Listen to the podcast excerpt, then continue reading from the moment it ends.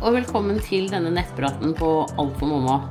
Eh, Den foregår sånn at du legger inn spørsmålene dine via den linken på siden her. eh, Inne på Facebooken. Og så, eller på, så ligger den på toppen på Alt for mamma. Og så eh, leser jeg opp spørsmålene dere har fortløpende, mens, eh, og så svarer jeg. Um, og så etterpå så tar jeg URL-en fra Facebooken, og så legger jeg den inn på ekspertsvaren, sånn at eh, linken ligger under, under hvert svar. Og foreløpig så Det blir nok en lang og god prat i dag. Mange spørsmål. Eh, og husk på det at det er ingen spørsmål som er for dumme til å stilles. Og hvis jeg ikke kan svaret liksom på stående fot, så tar jeg og googler det eh, og finner gode svar til deg. Så tusen takk for at du følger med her, og da er vi i gang. Da er det Maria som sier Hei, Siri.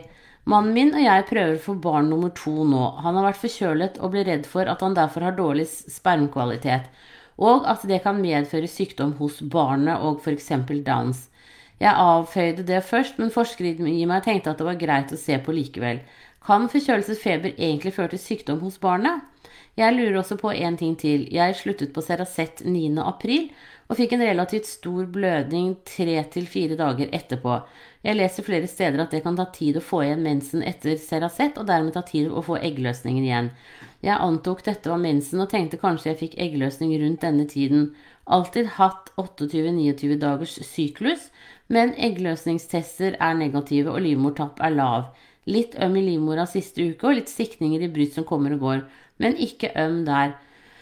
Var det kanskje ikke å regne som mensen? Vet det har gått kort tid, da. Med vennlig hilsen meg.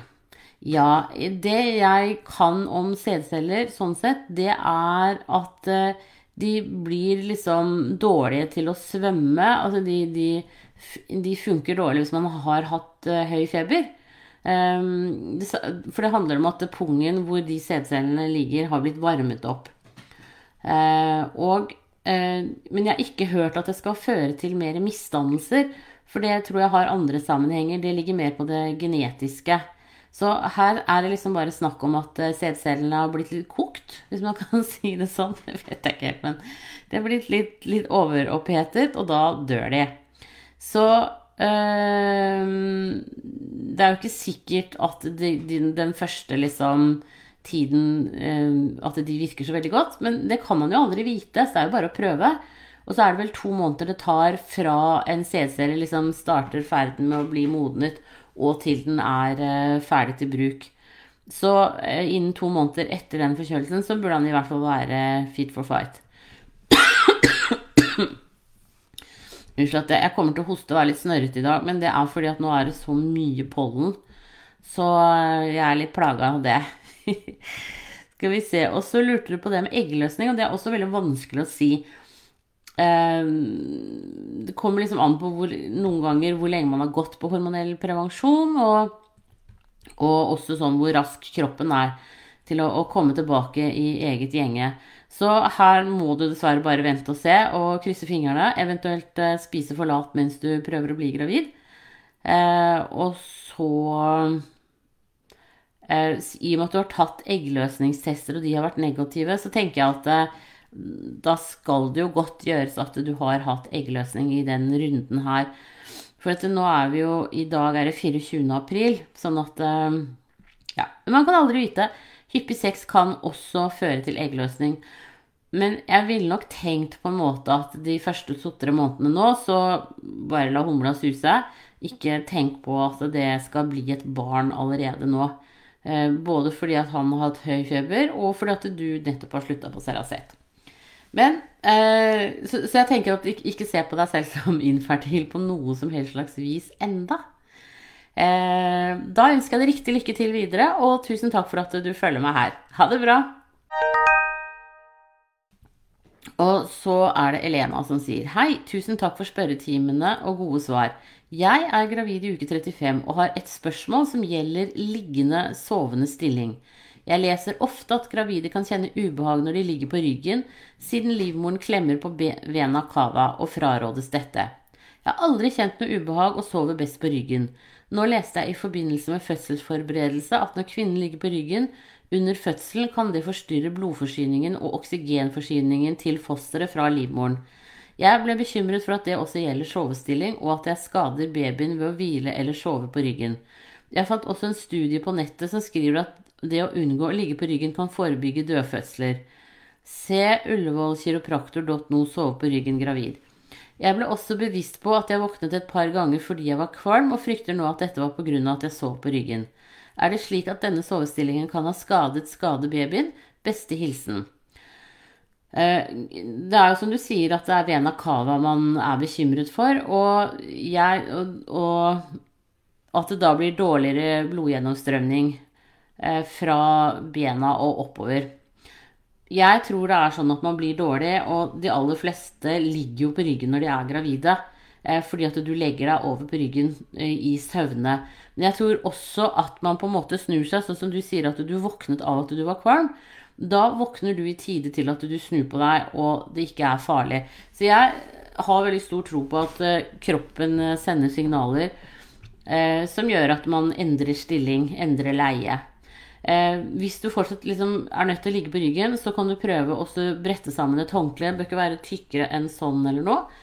Eh, for at, eh, at du får akkurat en sånn bitte liten tipp på overkroppen. Og det er nok til at du unngår vena cava. Så det tenker jeg det kan være, være bra. Ellers så er det jo å legge seg godt over på siden og bygge seg opp med puter og, eh, og dyner og alt man har av myke ting i sengen. Eh, alternativt eh, sitte med overkroppen litt Altså bruke sånn hotellputetyp, da. Da unngår du også vena cava. Så en god sånn litt sånn stor hotellpute under overkroppen med vanlig pute oppå kan for mange være ganske sånn en god løsning på slutten av graviditeten. Men jeg tror at det å Jeg tror Ellers så hadde det jo vært i mitt hode mange, mange flere babyer som døde i mors mage. Hvis den vena cavaen liksom ikke ga noen beskjed til deg og kroppen din om at nå, nå er det dårlig blodgjennomstrømning her. Så derfor så tror jeg at du ikke trenger å være noe bekymret. Men hvis du insisterer på å ligge på ryggen, vil være helt sikker, ha en liten pute eller et uh, dobbeltbrettet håndkle under den ene flanken, sånn at du får akkurat en liten tipp på kroppen, men allikevel bevarer på en måte følelsen av å ligge på ryggen. Og selvfølgelig, i det øyeblikket du blir svimmel, så må du snu deg. Så jeg tenker at dette her går helt fint. Da ønsker jeg deg riktig lykke til videre, og tusen takk for at uh, du følger meg her. Ha det bra! Og så er det Kjerstin som sier Hei, Siri. Takk for et flott tilbud på Facebook. Ja, bare hyggelig. Jeg lurer på dette med sykehusvalg. Jeg er førstegangsfødende med termin om fem uker. Per i dag har sykehuset i kommunen jeg bor streng, i strenge regler når det gjelder partner og korona. Partner får være med på barsel én time per døgn, bl.a. fordi man deler rom med en eller flere andre.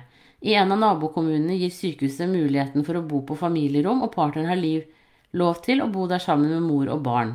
Vi ønsker oss å dele mest mulig av denne spesielle tiden sammen. Vi er samtidig usikre på om det er lurt og praktisk mulig å ta, ta, på seg en kjøretur på i underkant av to timer når fødselen først er i gang. Man skal jo helst komme når det er fem minutter eller mindre mellom riene. Men det er jo veldig vanskelig å vite når man skal kjøre i underkant av to timer. På en annen side er det jo andre som bor langt unna sitt nærmeste sykehus, som naturligvis får denne utfordringen. Det må også sies at sykehuset i hjemmekommunen er bedre på oppfølging av komplikasjoner dersom det skulle være noe. Det er vel slik at pasienter overføres dit fra nabokommunens sykehus dersom det er behov for tett oppfølging. Svangerskapet har vært ukomplisert så langt, men vi tenker også på det med tilgjengelig ekspertise dersom det er noe. Vi er usikre på hva som er best å gjøre. Hva råder du til? Nei, jeg er jo tilhenger av at det beste man gjør, er å være mest mulig sammen. Eh, for det er klart at du slapper mye bedre av sammen med partneren din, og det forebygger også mange komplikasjoner. Så jeg tenker at sånn i utgangspunktet så hadde jeg da bare, i hvert fall når du begynner å få rier, så ringer du til det sykehuset hvor han kan være mye sammen med deg, og så snakker du med dem. Eh, og hører om det er plass i herberget, og, og om du kan komme dit. Så er det også sånn at alle kommunene skal ha hjemmebesøk til, av jordmor rett etter fødsel nå, én til tre dager etter at du kommer hjem. Så det går også an å dra tidlig hjem fra sykehuset hvis alt er bra med deg og babyen. Og hvis du har hatt et ukomplisert svangerskap, så er det veldig veldig stor sjanse for at fødsel og barseltid også blir helt normal og ukomplisert. Så Derfor så tenker jeg du kan snakke med, høre med jordmora som du går hos, eh, og høre, høre hva hun anbefaler, eller han. Og så hør om ikke du kan da få et tidlig hjemmebesøk. For det gjør at da får du hjelp med ammingen hjemme, og eh, man eventuelt veier babyen og sånn. Og helsesykepleier skal også komme hjem tidlig. Eh, sånn at, altså det, er, det, skal være et bra tilbud til deg hjemme også. For myndighetenes ønske er jo at man skal ligge kortest mulig på sykehus. Og det tenker jeg at Så lenge alt er normalt, så er det helt greit. Um, og derfor så tenker jeg at um, at eh, ring, snakk med jordmora di. Ring til det sykehuset som du har lyst til å føde på og ha med partner når riene starter, og så kan dere dividere litt. Um, jeg også Hva skal jeg si? Jeg også er, tenker at når man ser etter komplikasjoner, så finner man det. Når man ser etter det normale, så finner man det. Og det er fordelen med mindre fødeenheter. Eh, er at de på en måte legger opp til det normale. Samtidig som det også selvfølgelig er en selektering på hvem som får lov å føde der, og hvem som ikke får det. Og på de aller minste fødestuene i landet så får man jo ofte ikke lov å føde når man er førstegangsfødende. Men på de mellomstore sykehusene så får man jo det. Og to timer i bil tenker jeg eh, kanskje litt slitsomt, men samtidig, det å kjøre på en litt humpete vei og, sånn, Det kan riste babyen godt ned i bekkenet og, og, og egentlig være ganske bra for en fødsel. Så mm, det, det må du bare se på. Eh, og også hvordan det på en måte barker i veien når du, når du begynner med rier. Så eh, no, noen ting må på en måte oppleves eh, før man helt vet. Og det er klart at hvis du knaller på med veldig tette rier, så, så vil jo det altså hvis liksom typ to-tre minutter imellom, så vil jo det å sitte i bil to timer kanskje være litt slitsomt. Hvis det er sånn 10-15 minutter imellom, så er det jo ikke så ille. Så snakk med jordmor, og snakk med eh, Når du begynner med rier, så ringer du til det sykehuset som Du kan være sammen med han mye, og så kan dere finne ut av det sammen der og da. Da ønsker jeg deg riktig lykke til videre, og tusen takk for at uh, du følger meg her. Ha det bra! Og så er det Thea Marie som sier Jeg er 35 år og har så sterk fødselsangst at jeg aldri kommer til å tørre å bli gravid. Det er helt utenkelig for meg å føde og unngår å bli gravid til enhver pris. Jeg har vært sammen med mannen min i 15 år, og i alle årene har det vært et vondt tema. Det oppleves som den største hindringen i mitt liv, og det tynger meg veldig i hverdagen. Jeg har lest at det er vanskelig å få keisersnitt uten medisinske grunner. Jeg er ikke motivert for en slik kamp. Jeg har hatt det psykisk vanskelig så mange år av denne angsten, som har spist meg opp levende at jeg er utslitt etter alle rundene med meg selv. Det har vært et økende press fra familie, samtidig som vi selv har et ønske om barn. Alt har ligget til rette for et barn i livet vårt lenge, og tiden renner fra oss. Vi har vurdert å betale for keisersnitt i London, men tror det blir vanskelig å gjennomføre i praksis. Vi har nå innsett at adopsjon er vår eneste reelle mulighet til å bli foreldre. Jeg er glad og veldig lettet over dette valget, nå klarer jeg å slappe av, fordi jeg vet at jeg slipper å føde noen gang. Men jeg tenker tilbake på alle disse vanskelige årene preget av angst og at jeg aldri har snakket med noen om det faktisk er mulig å få innvilget keisersnitt på bakgrunn av angsten min. Jeg lovet mannen min et aller siste forsøk på å snakke med fastlegen min om keisersnitt, og om det stemmer at det er så vanskelig å få innvilget som jeg har lest meg frem til. Fastlegen min har dessverre en vikar det neste året som jeg ikke ønsker å snakke med. Derfor spør jeg deg, hva skal til for å få innvilget keisersnitt basert på ekstrem angst for smertene og fødesituasjonen, har ikke opplevd overgrep og lignende. Hvem har avgjørelsesmyndighet, og på hvilket tidspunkt kan det tidligst avgjøres? Jeg er livredd for å bli gravid og deretter bli nektet keisersnitt og havne i en desperat situasjon. Dersom jeg hadde fått det innvilget, fått innvilget det, ville jeg søkt om sterilisering samtidig. Er det noe som kan gjøre det lettere å få dette inn, det innvilget? Dersom vi utsetter biologisk barn enda lenger, adopterer først, er det økt sjanse for å få innvilget keisersnitt dersom jeg er nærmere 40 år pga. høy alder? Ja, her tenker jeg at eh, eh, du faktisk høyst sannsynlig vil få innvilget keisersnitt. Eh, jeg har vært med på flere hvor det har skjedd.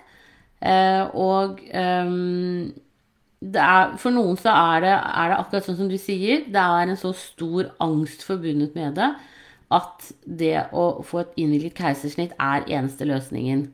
Um, og sånn sett så har de blitt mye mer liberale med det gjennom de siste årene.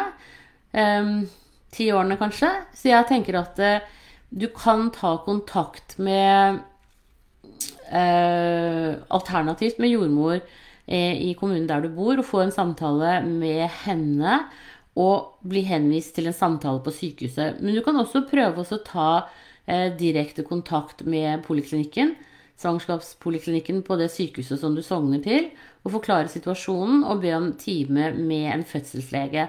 For det er fødselslegene som bestemmer hvorvidt du kan få, få keisersnitt eller ikke. Og eh, på de store sykehusene så er det ofte egne leger og jordmødre som eh, sitter i et team På Ullevål f.eks. heter det Gaia eh, eh, Eller der er det bare jordmødre, da. Men så er det egne fødselsleger som også jobber med de som har kjempefødselsangst. Og det, jeg tror det er mulig å avtale keisersnitt før du blir gravid. Sånn at, eh, at det tenker jeg absolutt er forsøket verdt. Så eh, alternativt ring fødselspoliklinikken og spør om time med altså svangerskapspoliklinikken på det sykehuset hvor du skal føde, og spør om det er mulig å få time med eh, fødselslege der. For det er legene som bestemmer dette. Eh, det fins også da, som jeg sa, sånn som Gaia, eh, hvor det sitter jordmødre som også kan henvise deg til fødselslegen. Men på en måte så tenker jeg at det, eh, det er like greit å bare gå rett på for din del. Eh, det er helt innafor. Um, og så tenker jeg liksom at uh, Gjør det nå med en gang. Gjør det på mandag. Uh, det kan hende at det er noen ukers ventetid på å få den samtalen. Uh, og jeg tror også at om du så tok sjansen på å bli gravid nå, så, så vil du helt garantert få, få keisersnitt. Og det som viser seg, er at kvinner med ekstrem fødselsangst de egner som regel i keisersnitt hvis de blir pressa til å føde. Da blir det alltid noe skuddemudder underveis. Eh, og så ender man i keisersnitt. Og da er det mye bedre eh, Det er en lege som jobber på Ahus som heter Torgrim Sørnes, som forska litt på det. Da er det mye bedre å gjøre et planlagt keisersnitt enn å, å utsette seg selv for eh, den angsten og opplevelsen som blir en veldig dårlig opplevelse. Så derfor så tenker jeg nå at Ring på mandag, få det avklart. Eh, ikke la liksom angsten styre deg, sånn som du har gjort nå. Eh, det er som du sier at eh, her har du brukt mange år på å være engstelig, og det er ikke noe vits i å fortsette med. Eh, hvis, ikke, hvis, de sier på sykehuset at du må ha henvisning fra fastlege eller jordmor, så går du og får tak i det. Her handler det jo om et eventuelt barn inn i ditt og mannen din sitt liv. Eh, og det er en stor ting i livet. Så hold fokus på det, ikke på angsten. Eh, det tenker jeg er mitt beste råd. Og så hvis du blir tilbudt eh, timer hos psykolog og sånn, så si nå endelig ja takk til det. Og ingenting å tape på det. Men det tror jeg ikke du blir, hvis jeg skal være helt ærlig. Jeg tror den avgjørelsen kan tas på rent bakgrunn av din angst. Eh, så det tenker jeg. Så jeg tenker også at eh, alternativt eh, begynn å prøve å lage barn hvis dere vil det. Det vil dere jo. Eh, og så tar du det som det kommer. Men jeg kan 99 eh, liksom Jeg er jo bare jordmor, og jeg jobber ikke ved det sykehuset der hvor du skal føde. Men jeg vet at det nå, de fleste stedene i landet så innvilges det nå keisersnitt nettopp med grunn fødselsangst. Så, så, det tenker jeg det er en god løsning. Uh, og du kan også søke om sterilisering samtidig hvis du ønsker det. Um, eventuelt. Uh, men en sterilisering gjør det ikke lettere å få innvilget uh, Eller vent, da. De gjør Før så gjorde de det samtidig. Nå vet jeg ikke om de gjør det samtidig lenger. Men en, en sterilisering som grunn til keisersnitt, det henger ikke på greip. Det, du får ikke noe mer keisersnitt av det. Um, så jeg tenker at eh, prøv nå på det biologiske barnet først, og så eventuelt adopter senere. Um, det er nok mitt beste råd til deg. Så ja. det her er det bare å gønne på. Kan nesten 100 garantere deg at du får keisersnitt. Da ønsker jeg deg riktig, riktig lykke til videre, og hører gjerne fra deg igjen. Dette her er jo spennende. Da må du ha en strålende dag videre. Ha det bra! Og så er det Erika som sier Hei, Siri. Vi gjør oss klare til at den lille magen kommer og gleder oss veldig. Vi har fått en brukt seng av venner og kjøpt ny madrass til den. Vi har lest at det er best, både av hygieniske hensyn og fordi brukt madrass ikke er bra for babyen. Hvorfor egentlig det? Vi har hørt at det kan ses i sammenheng med krybbedød, men ikke fått noe god forklaring på det. Nå har vi også fått muligheten til å få et brukt babynest, men det slo oss at det kanskje ikke er bra å bruke, siden det blir samme opplegget som madrass. Vi har vasket det på 40 grader, men den inneholder et tynt skuminnlegg vi ikke fikk vasket. Bør vi ikke bruke brukt babynest for å være på den sikre siden? Hilsen Erika. Jeg tror egentlig at det med sånne brukte madrasser og sånn kanskje er litt uh, eh, gammeldags. For eh, Før så kunne du liksom arve en madrass som var 15 år gammel, og plast og gummi på den tiden var ikke så bra. Nå er det jo veldig, veldig mye bedre produkter. Så jeg tenker at eh, det babynestet er helt innafor. Og ja, dere har kjøpt ny madrass. Helt greit. Eh, men, men, nå er ting mye raskere i sirkulasjon. Så, så jeg tenker at eh, jeg hadde ikke vært noe bekymra for det der i det hele tatt. Det går helt sikkert helt fint. Og dere er jo en hyggelig fase som plutter rundt nå for å stelle i stand til babyen som kommer, og så nyt det. Da ønsker jeg deg riktig lykke til videre, og tusen takk for at du følger meg her. Ha det bra! Og så er det Signe som sier hei. Jeg fødte 11. i fjerde mitt andre barn. En fin, ukomplisert fødsel hvor jeg mistet 400 ml blod. 250 under selve fødselen og resten den neste timen etter å ha reist meg fra sengen og etterpå i dusjen. Jeg blødde en del de første to-tre dagene, deretter avtok det og forsvant nesten helt. Dag 11 fikk jeg en kraftigere blødning igjen, som jeg antar var fra skorpen fra livmoren. Dette er to dager siden, og etter det har jeg fortsatt å blø litt. Det er jo litt vanskelig å forklare hvor mye det er, men det er helt klart mye mindre enn de første dagene etter fødsel, og tydelig mindre enn blødning på dag 11, men likevel mer enn de siste dagene før dag 11. Blodet er mørkerett, høres dette vanlig ut. Hvor lenge er det vanlig å blø slik før det forsvinner igjen? Jeg ble nok litt overrasket fordi det virker som jeg nesten var ferdig med å blø, og så har det kommet tilbake. På grunn av blødningene i etterkant av fødselen kjente jordmødrene på magen min mange ganger før jeg dro hjem, og det virket som de mente at livmoren trakk seg sammen som den skulle. Jeg har heller ikke hatt smerter, feber eller vond lukt av blodet. Takk for svar. Du har gjort alle de riktige tingene i forhold til det med å følge med på smerter og feber og vond lukt. Eh, jeg tenker nok også kanskje litt at eh, at det, det, høres ut som du blør litt mye.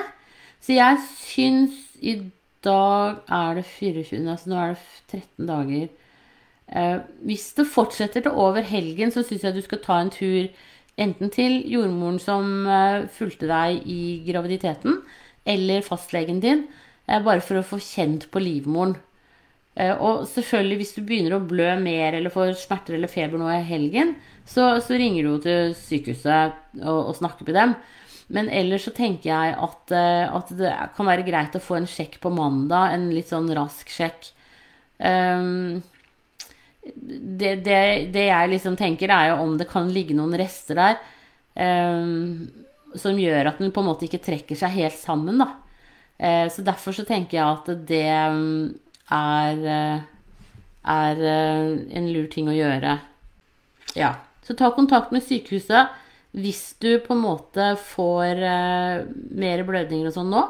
Og så ellers så bare venter du til over helgen. Da må du ha tusen takk for at uh, du følger meg her, og så uh, kos deg masse med NURK nummer to. Ha det bra! Og så er det Hei som sier Hei, jeg er høygravid og aldri kjent på kynnere. Er det unormalt? Jeg har hørt at kynnere er livmorens måte å trene seg opp til fødsel på. Burde alle ha kynnere? Tusen takk for svar. Ja, svaret er at alle har kynnere. Det har du også, selv om du ikke merker det så veldig. Eh, og det er som regel om man har vært gravid tidligere, at man merker det mer. Sånn at eh, Jeg vil da gjette på at du er førstegangsfødende, men det er også noen flergangsfødende som ikke kjenner kynnerne så mye. Eh, kynnerne begynner sånn rundt uke 10-11-12 i graviditeten. Og, er, er, og livmoren er 90% muskel, så den trener seg opp fra å være så, så stor som en tommel eh, da du ble gravid, til å veie en hel kilo til termin. Så her er det mye krefter på gang. Eh, og, og livmoren skal jo dytte babyen ut. Sånn at, eh, at det, eh, den har en stor jobb å gjøre, og det er viktig at den er topptrent. Eh, og i motsetning til, til livmoren, så er den derre mormunnen, den som skal liksom trekke seg helt tilbake når babyen kommer, den er 10% bindevev og Nei, 90% bindevev og 10% muskel. Så her er det liksom omvendt, da. Um, men helt normalt, ikke noe å være noe bekymra for. Livmoren din kommer helt sikkert til å, å, jobbe helt perfekt. Da ønsker jeg deg riktig lykke til med fødsel og sluttinnspurten her. Og tusen takk for at du følger meg. Ha det bra! Og så er det Lise som sier hei. Innimellom, spesielt på kvelden, så er det akkurat som livmoren og magen rundt der babyen ligger, blir veldig hard og litt vondt. Er dette normalt? Er i uke 20. To, nå som jeg har kommet meg til uke 20, hvor stor er sjansen for at det kan gå galt? Tre, merker enda ikke noe liv i magen, og det plager meg veldig. Når er det vanlig å kjenne liv? Jo, det at livmoren og alt blir hardt, det er jo kynnerne som du kjenner, da. Eh, og nå såpass tidlig i graviditeten, så kan livmoren liksom ligge over på den ene eller den andre siden litt mer. Etter hvert som babyen vokser og livmoren blir mer fylt, så står den mer rett opp. Men enda nå så kan den ligge litt mer over på den ene siden. Og derfor kan det på en måte være en litt sånn forvirrende faktor når man når man er, er tidlig i graviditeten, da, på liksom Hvorfor ligger den sånn litt sånn skjevt? Men det er helt normalt. Eh, og nå når du har kommet deg til uke 20, så er det veldig lite sjanse for at det kan gå galt. Eh, så her er det bare å, å holde fokus og glede deg til at babyen kommer. Og spørsmål nummer tre, du merker enda ikke noe liv, og det er helt normalt. Det som ofte skjer når man ikke har vært gravid før, det er at du Plutselig så skjønner du at noe av det du kjenner, er liv. Og da tenker man liksom sånn Ja, men dette her har jeg jo kjent i flere uker. For det kan være bare liksom akkurat som en sånn der fiskefinne, eller noen beskriver det som sommerfugl, som liksom bare sveiver forbi. Og så kan noen kjenne sånn der plutselig spark også. Det er det du kommer til å kjenne etter hvert, da. Men det er ikke før i uke 24 at eh, du nødvendigvis burde ha kjent liv innen. Og så er det også sånn at hvis du har morkaken på fremre vegg, så, altså liksom fra navlen og ned, så eh, kan det ligge som en pute og hindre at du kjenner babyens bevegelser. Så, så, det kan være flere faktorer der, men eh, alt helt normalt. Ikke noe å være noe eh, bekymra for i det hele tatt. Da ønsker jeg deg riktig lykke til videre, og tusen takk for at du følger meg her. Ha det bra! Da var det dagens siste spørsmål. Da ønsker jeg dere også en riktig god dag videre, og tusen takk for at dere følger meg her. Nå skal jeg ta URL-en her fra Facebook og legge inn på Alt for mamma, sånn at eh, svarene blir lette å finne. Men tusen, tusen hjertelig takk for at dere er med meg. Ha det riktig bra.